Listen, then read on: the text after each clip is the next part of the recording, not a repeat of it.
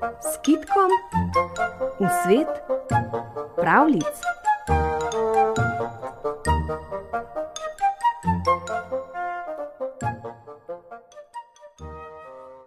Bil je kralj, ki se je zelo postaral.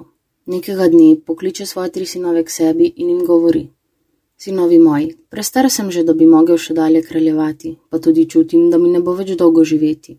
Vse tri ljubim z enako ljubeznijo, a na mojem prestolu bo le eden naslednik. Težko mi je soditi, kateri je najvrednejši. Pojdite torej po svetu in vsak naj poskusi svojo srečo. Kateri mi prinese najdražje darilo, bo moj naslednik. Sinovi so se rašli.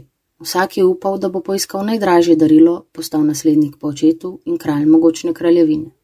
Najstarejši sin ni dolgo pomišljal. Vedel je, da so njegovemu očetu dragi kamni zelo všeč, Zato je odšel v draguljarju in tam kupil najdražji diamant in ga nesel očetu.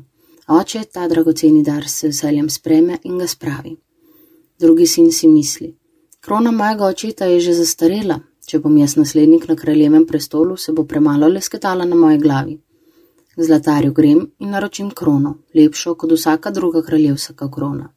Kakor je mislil, tako je tudi storil. Zlatar mu je izdelal krono iz čistega zlata. Najlepši in najdražji kamni so se blesteli v njej. Tudi darilo tega sina je kralj z veseljem sprejel in ga shranil med drugimi svojimi zakladi. Najmlajši sin pa je hodil po svetu, iskal primerno darilo za kralja, svojega očeta. Vse, karkoli je našel, se mu je zdelo preslabo za dobrega očeta. Mislil si je: Moj oče ima vsega tega, kar vidim po svetu, več kot dovolj.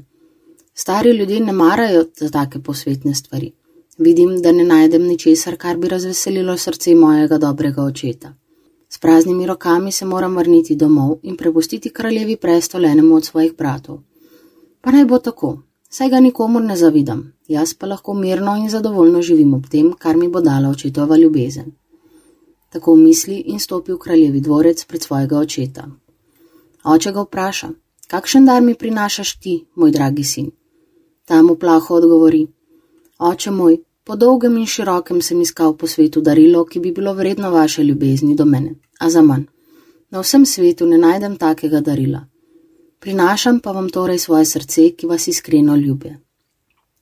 Vzemite ga za ono ljubeznijo, s kakršno vas ljubim jaz, in izročite kraljestvo enemu od mojih bratov, meni pa dovolite samo to, da vam strežem z otroško ljubeznijo do tistega trenutka, ko vas loči usoda od nas.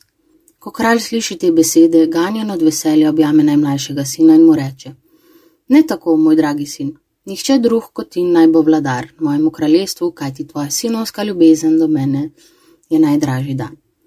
Vidim tudi, da imaš gorečo ljubezen do svojih bratov in podložnikov, zato tebi izročam kraljestvo.